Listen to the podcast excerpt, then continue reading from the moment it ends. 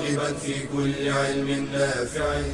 ينمو العلم ويتقدم بتقنياته ومجالاته ومعه نطور أدواتنا في تقديم العلم الشرعي.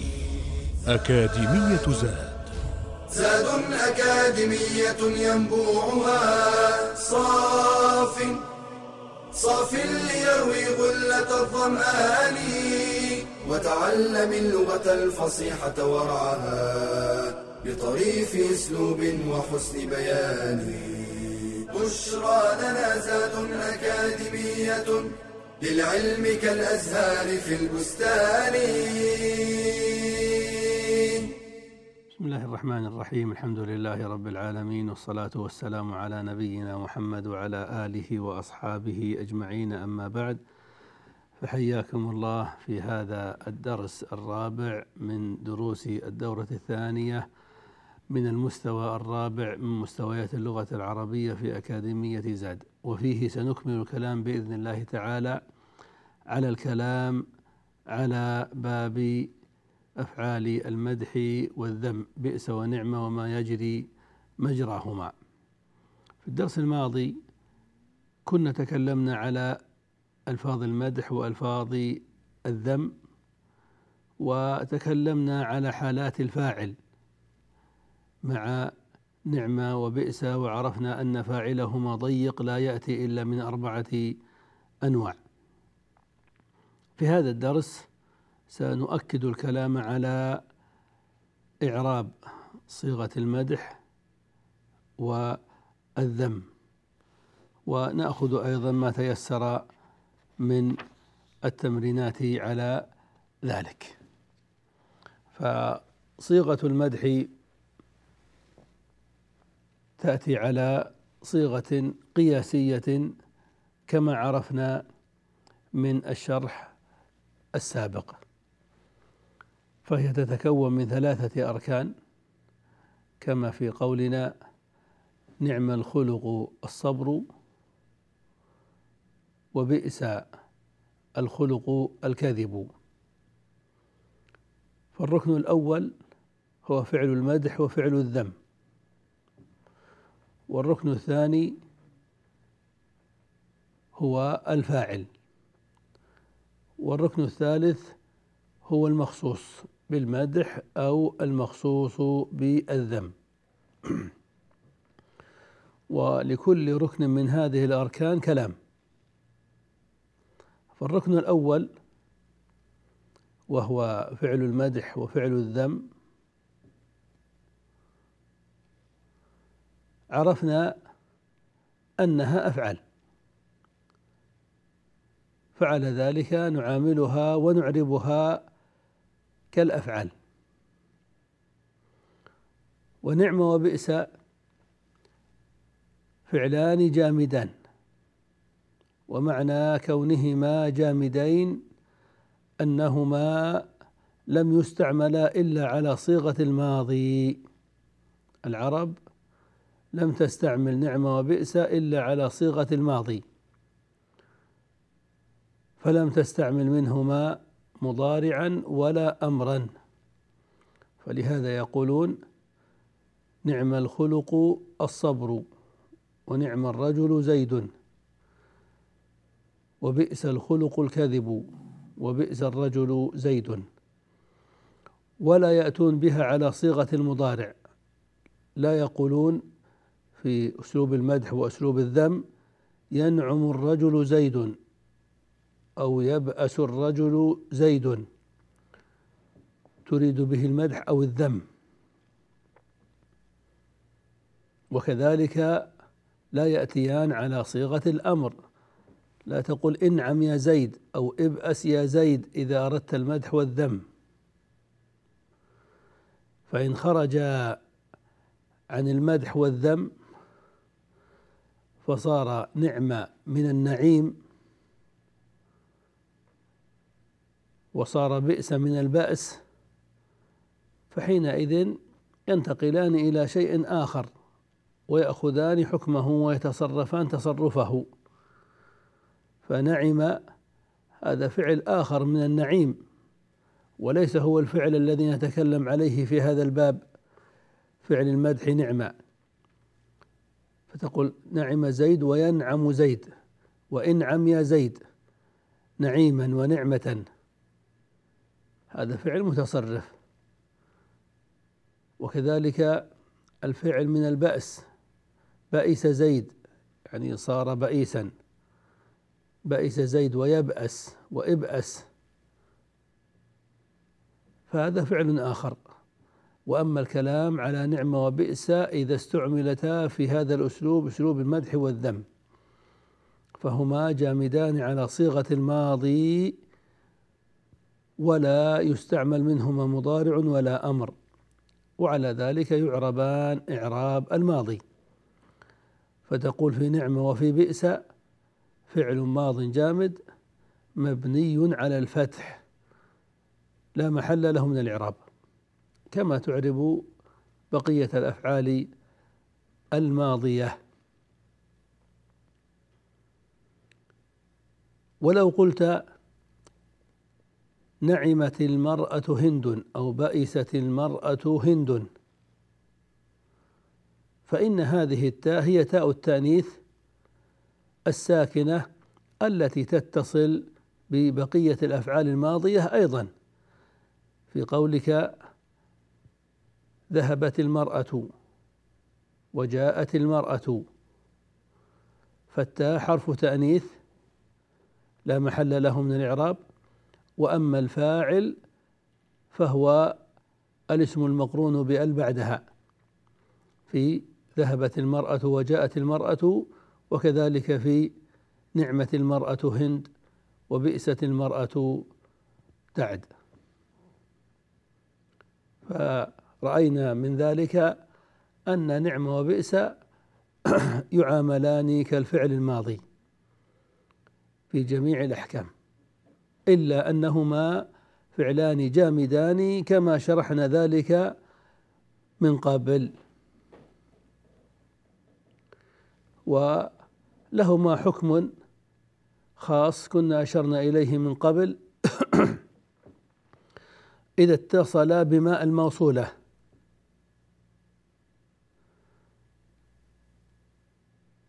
كما في قوله إن الله نعم ما يعظكم به.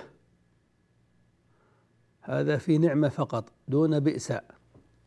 لأن نعمة فعل ينتهي بالميم وما يبتدئ بالميم. فيجوز أن تبقي الميمين على إظهارهما دون إدغام. فتقول نعم ما يعظكم. وزيد نعم ما يعمل. ويجوز أن تدغم الميمين في بعضهما. فتقول إن الله نعم ما يعظكم. وزيد نعم ما يعمل. وهذا الإدغام هو من باب التخفيف لأن النطق بالحرفين حرفا واحدا مشددا أسهل من النطق بحرفين آه، محققين ظاهرين دون إدغام. فهذا ما يتعلق بالكلام على الركن الأول في هذا الأسلوب وهو نعمة وبئس. وأما الكلام على الأسلوب الثاني وأما الكلام على الركن الثاني وهو الفاعل والركن الثالث وهو المخصوص بالمدح أو الذم فسنذكره بإذن الله تعالى بعد الفاصل. فانتظرونا بشرى لنا زاد أكاديمية للعلم كالأزهار في البستان.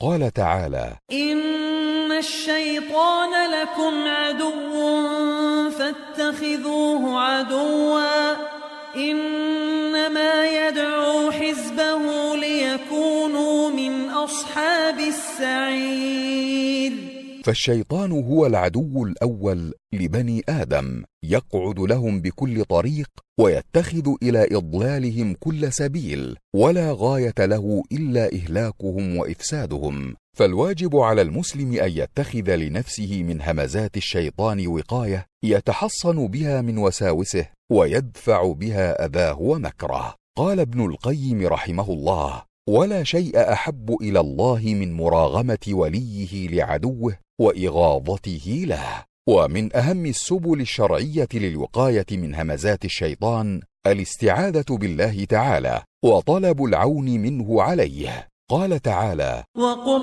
رب أعوذ بك من همزات الشياطين وأعوذ بك رب أن يحضرون.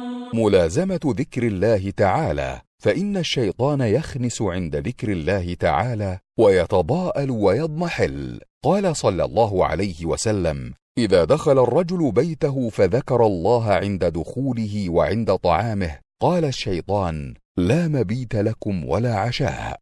الإكثار من قراءة القرآن خاصة سورة البقرة والإخلاص والمعوذتين وآية الكرسي. قال صلى الله عليه وسلم إن الشيطان ينفر من البيت الذي تقرأ فيه سورة البقرة. معرفة خطوات الشيطان ومداخله واجتنابها والابتعاد عنها. وكل فحشاء وكل منكر فهو من خطواته وأعماله. قال تعالى يا أيها الذين آمنوا لا تتبعوا خطوات الشيطان. ومن يتبع خطوات الشيطان فإنه يأمر بالفحشاء والمنكر.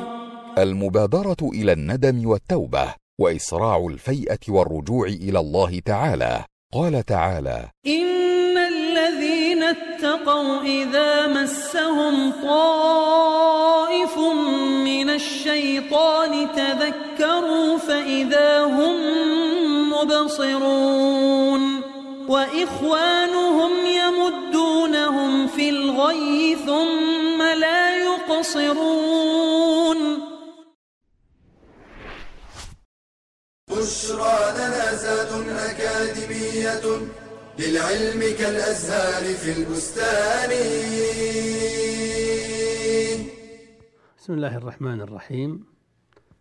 بعد أن انتهينا من الكلام على الركن الأول وهو فعل المدح والذم نتكلم على الركن الثاني في هذا الأسلوب أسلوب المدح والذم وهو الفاعل.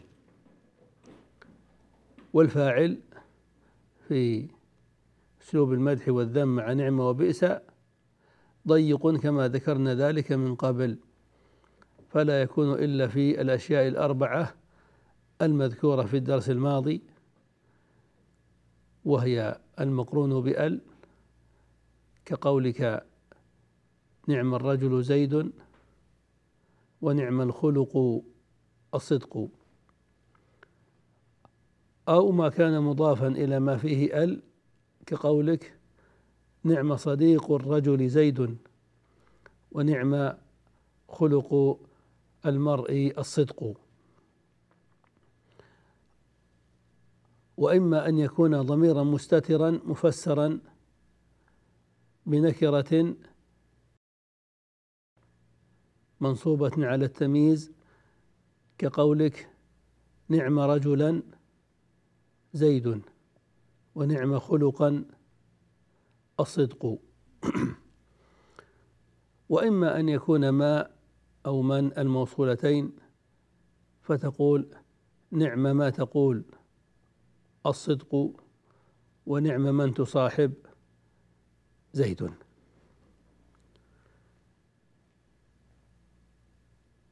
فهذا ما يتعلق بالركن الثاني. وأما الكلام على الركن الثالث في هذا الأسلوب وهو المخصوص بالمدح والذم.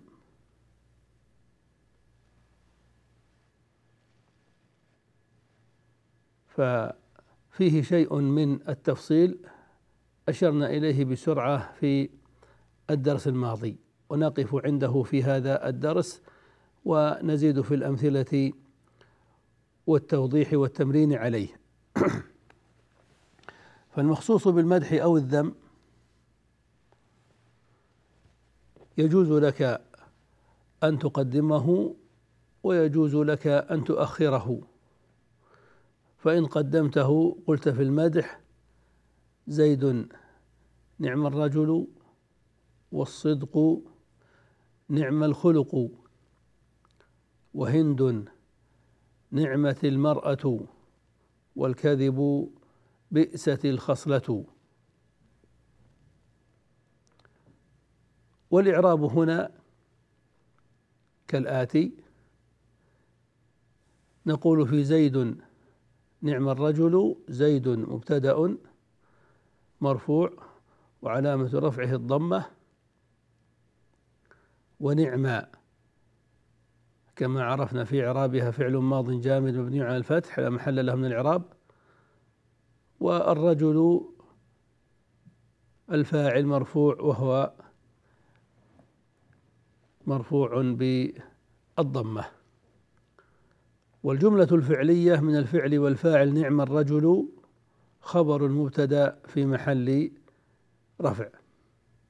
إذن فالجملة حينئذ كإعراب غيرها من الجمل الاسمية التي وقع خبرها جملة فعلية.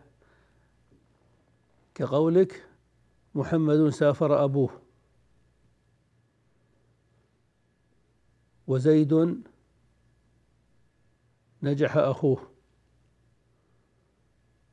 زيد مبتدأ سافر أخوه.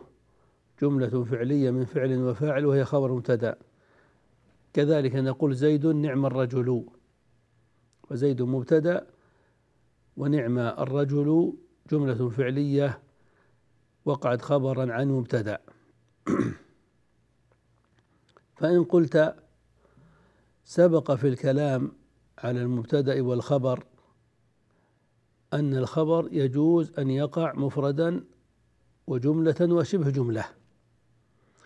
فإن وقع الخبر جملة فيشترط فيه أن يحتوي على ضمير أو أن يحتوي على رابط يربطه بالمبتدأ لكي يصح المعنى. فإذا قلت زيد سافر أبوه فسافر أبوه جملة فعلية وقعت خبرا عن زيد والرابط الذي يربطها بزيد هو الضمير. في أبوه لأنه يعود إلى زيد. طيب والسؤال أين الرابط الذي يربط جملة الخبر نعم الرجل بالمبتدأ زيد؟ في زيد نعم الرجل. فقال النحويون في ذلك إن الرابط هو العموم الموجود في الفاعل الرجل. فالرجل جملة كلمة عامة تشمل زيدا وغير زيد لأن زيدا من الرجال. إذا فالرجل كلمة تشتمل على زيد فهذا هو الذي يربطها بزيد لأنها تشمل زيدا وغيره. وهذا ينصون عليه في باب المبتدأ والخبر. إذن فالمخصوص بالمدح والذم إذا تقدم ففيه هذا الإعراب فقط أن يكون المخصوص المتقدم مبتدأ والجملة الفعلية من نعم وفاعلها أو بئس وفاعلها خبر المبتدأ المتقدم في محل رفع. وأما إذا تأخر المخصوص بالمدح والذم في نحو نعم الرجل زيد وبئس المرأة وبئست المرأة هند. فإذا تأخر المخصوص بالمدح والذم فيجوز فيه إعرابان. الإعراب الأول هو كالإعراب السابق لكن على التقديم والتأخير. فنقول إن المخصوص بالمدح زيد مبتدأ مؤخر وجملة نعم الرجل مكونة من فعل وفاعله خبر مقدم. فالأصل أن المخصوص بالمدح متقدم ثم تأخر وتقديم الخبر وتأخيره جائز ما لم يمنع من ذلك مانع. فعلى ذلك يكون الكلام جملة واحدة مبتدأ وخبر والإعراب الثاني الجائز هو أن نجعل هذا المخصوص بالمدح أو الذم المتأخر نجعله خبرا لمبتدأ محذوف بمعنى الممدوح. أو المذموم. فتقول نعم الرجل زيد يعني نعم الرجل الممدوح زيد. وبئست المرأة هند يعني بئست المرأة المذمومة هند. فيكون الكلام في الحقيقة مكونا من جملتين. الأولى نعم الرجل فعل فاعل. والجملة الثانية الممدوح زيد مبتدأ وخبر. والذي يحدد الإعراب المقصود هو المعنى الذي يريده المتكلم. فإذا أراد أن يجعل الكلام واحدا وكان المبتدأ في نيته مقدما ثم أخره فنعرب على الإعراب الأول. نعم الرجل زيد زيد مبتدأ مؤخر لكن المتكلم أخره من تقديم. وإذا كان المتكلم أراد أن يمدح ويذم فيقول نعم الرجل. ثم يقول بئس الرجل. ثم بعد ذلك بدا له أن يبين من هذا الممدوح من ذم ومن هذا المخصوص بالذم. من هذا المخصوص بالمدح ومن هذا المخصوص بالذم فيكون التقدير هو زيد. يعني الممدوح زيد أو المذموم زيد. فيكون كلامه في الحقيقة مكونا من جملتين. ف قولنا إن في المخصوص بالمدح أو الذم المتأخر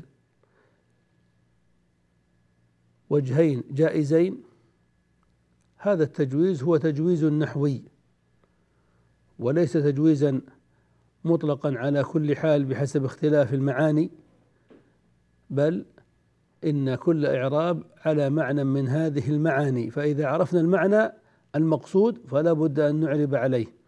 وإذا لم نعرف المعنى المقصود قلنا إن هذا الأسلوب يحتمل هذين الإعرابين. وسنتكلم إن شاء الله بعد الفاصل على بعض التمرينات على ما كنا شرحناه في أسلوب المدح والذم فانتظرونا بإذن الله تعالى. بشرى لنا زاد أكاديمية للعلم كالأزهار في البستان.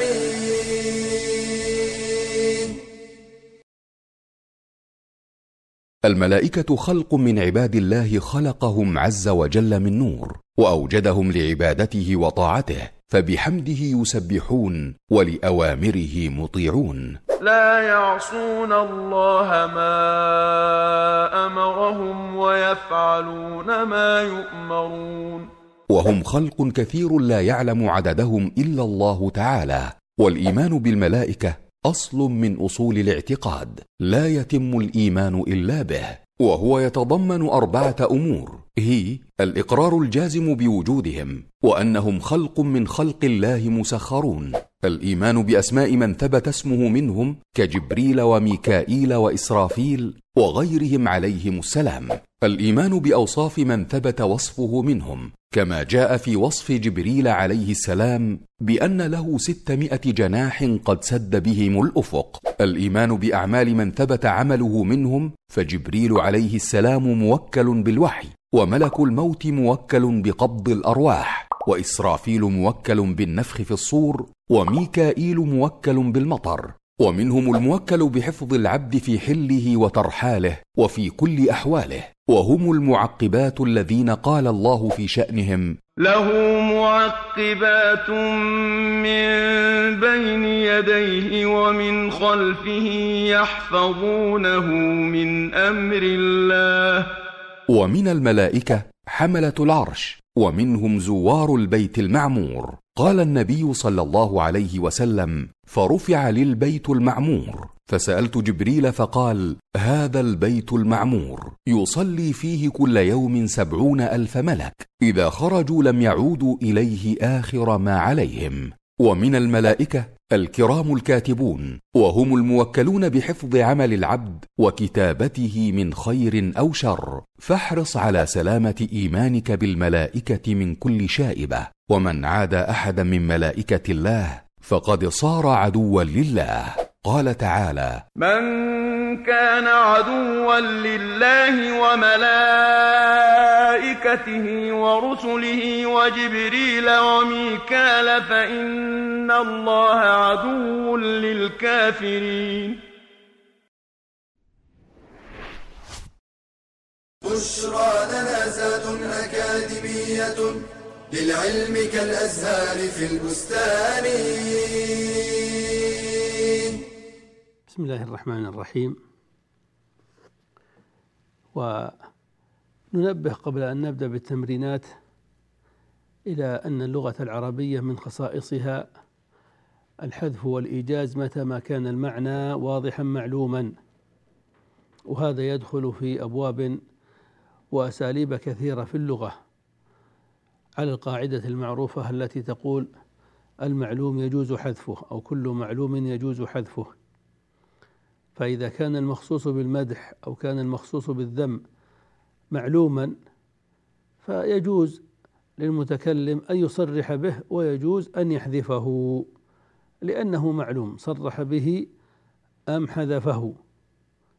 يعني لو كنا نتكلم عن جار لنا من الجيران مثلا فيجوز أن أقول نعم الرجل هذا الجار.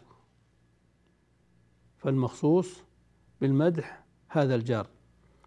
ويجوز أن نقول أن أقول نعم الرجل. نعم الرجل. نفهم أن المخصوص بالذم حينئذ هذا المتكلم عليه وهو هذا الجار. وسواء كان الذكر سابقا في اللفظ أو كان سابقا في المعنى والعلم. فكونه سابقا في المعنى والعلم كما سبق المثال قبل قليل. وأما كونه سابقا في اللفظ فان أقول جاء زيد نعم الرجل. جاء زيد نعم الرجل جاء فعل ماض وزيد فاعل جاء. ثم قل نعم الرجل. هذا فعل وفاعل. أين المخصوص بالمادح المخصوص بالمادح ضمير يعود إلى زيد. يعني نعم الرجل هو أو هو نعم الرجل. يجوز في المخصوص بالمدح المخصوص بالمدح والذم كما عرفنا أن يقدم أو يؤخر. فهو ضمير يعود إلى زيد لم نصرح به كما قلنا لأنه معلوم. وهذا كثير في كلام العرب. ومن ذلك قوله سبحانه وتعالى نعم المولى ونعم النصير. كلام عنه سبحانه وتعالى. يعني نعم المولى الله ونعم النصير الله. وقال سبحانه وتعالى عن عبده أيوب نعم العبد. إنه أواب. يعني نعم العبد هو يعني أيوب. يعني نعم العبد أيوب. أو نقول أيوب نعم العبد لأن الكلام كان عليه قبل ذلك. وقال سبحانه والأرض فرشناها. فنعم الماهدون يعني نعم الماهدون نحن. وقال فنعم عقب الدار يعني نعم عقب الدار هي يعني الجنة. نعم عقب الدار الجنة. وهذه من خصائص اللغة العربية وهي أنها لغة إيجاز وبلاغة تحترم عقل المخاطب إذ تحيل عليه عندما يكون المعنى مفهوما وواضحا ولا تصرح بكل صغيرة وكبيرة للمتكلم حتى كأنه لا يفهم إلا بهذا التصريح كما يوجد في كثير من اللغات. التي لا تحذف من الأسلوب شيئا لأن الأسلوب قائم فيها على قالب لا يقبل التغيير.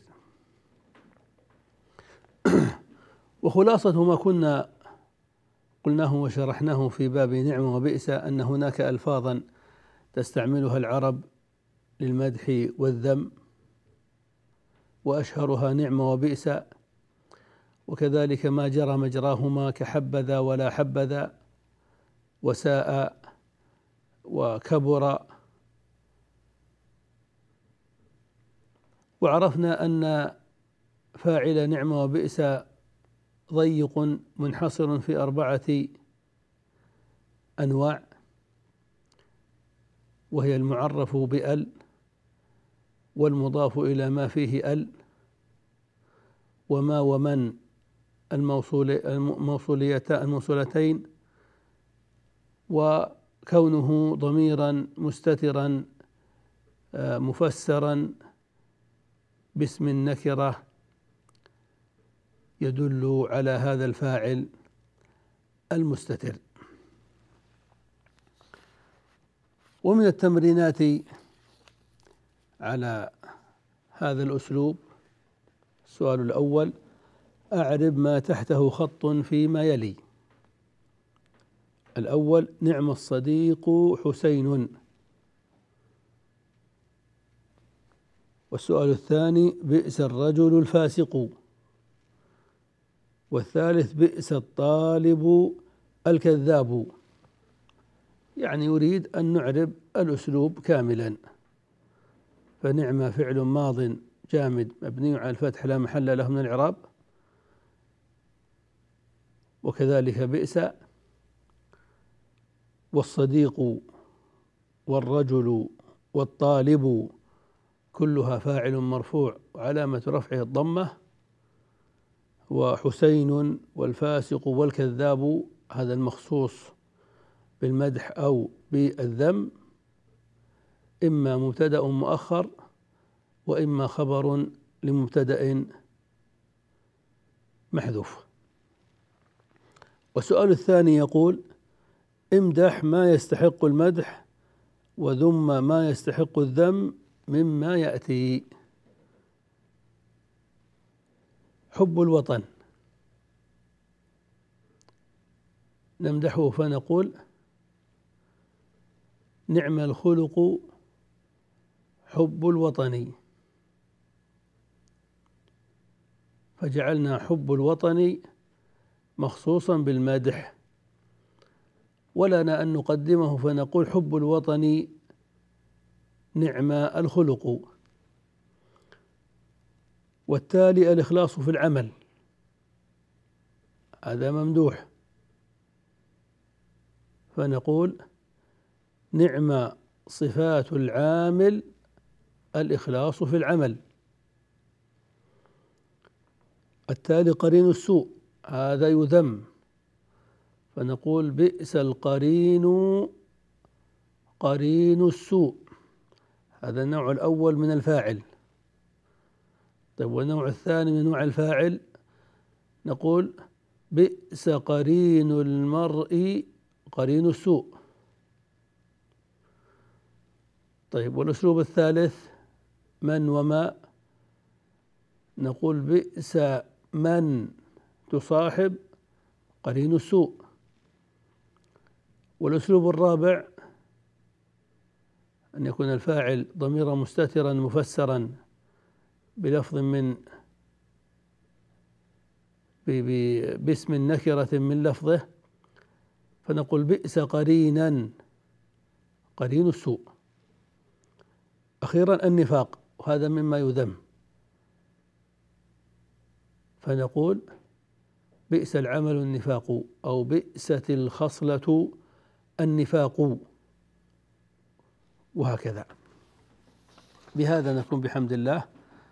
قد انتهينا من الكلام على ألفاظ المدح والذم وأخذنا ما تيسر من التمرينات عليها.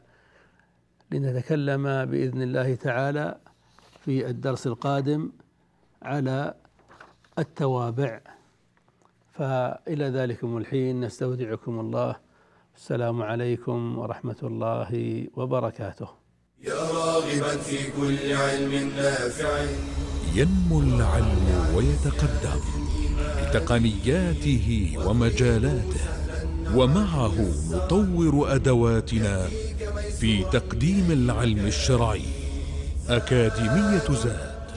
زاد أكاديمية ينبوعها. صاف صاف ليروي غلة الظمآن وتعلم اللغة الفصيحة ورعاها بطريف أسلوب وحسن بيان. بشرى لنا زاد أكاديمية للعلم كالأزهار في البستان.